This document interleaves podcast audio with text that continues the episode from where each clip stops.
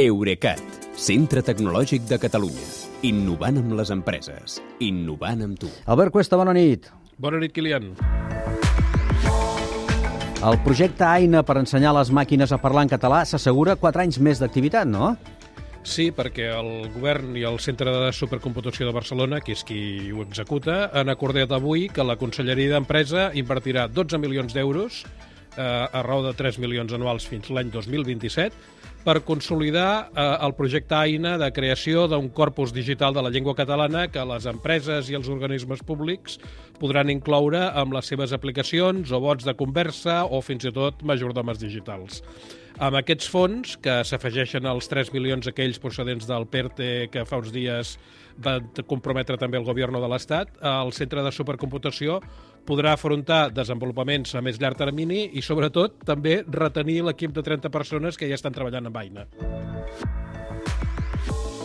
Recordem que el projecte AINA, per si algú encara no li sona, que ja seria difícil perquè n'hem parlat molt, és mm. la captació de veus en català amb diversos accents, pronúncies i varietats dialectals, eh?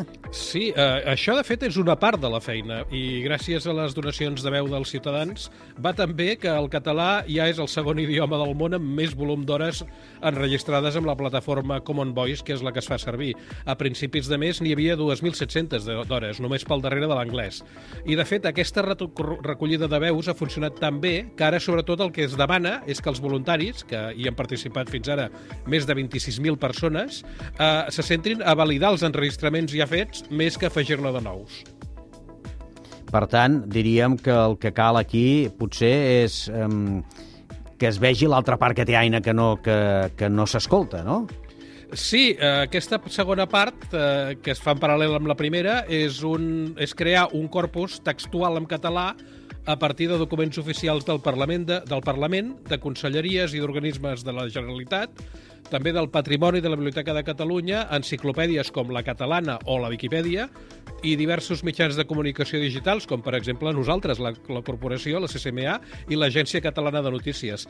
Uh, les dades d'aquest viver, perquè en diuen així, viver de dades, s'han de normalitzar, s'han d'alinear, s'han de revisar per eliminar-ne biaixos i després s'han de classificar segons quin tipus de domini o de vocabulari eh, pertanyen, que pot ser, doncs jo que sé, jurídic o biomèdic o d'altres tipus. I després, tot plegat, això es combina amb les dades de veu, aquelles que dèiem abans, per aconseguir eh, sistemes de reconeixement de veu i de parla en català.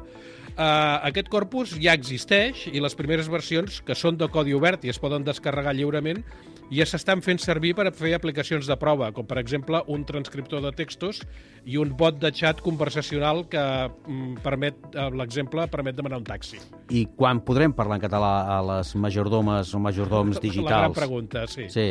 Encara haurem d'esperar anys? Quatre anys? Uh, Uh, bueno, el dels 4 anys és, eh, aniran treballant durant 4 anys amb això, però en, en realitat qui té l'última paraula sobre les majordomes digitals i el català són les empreses, és a dir, en aquest cas Amazon, Apple i Google.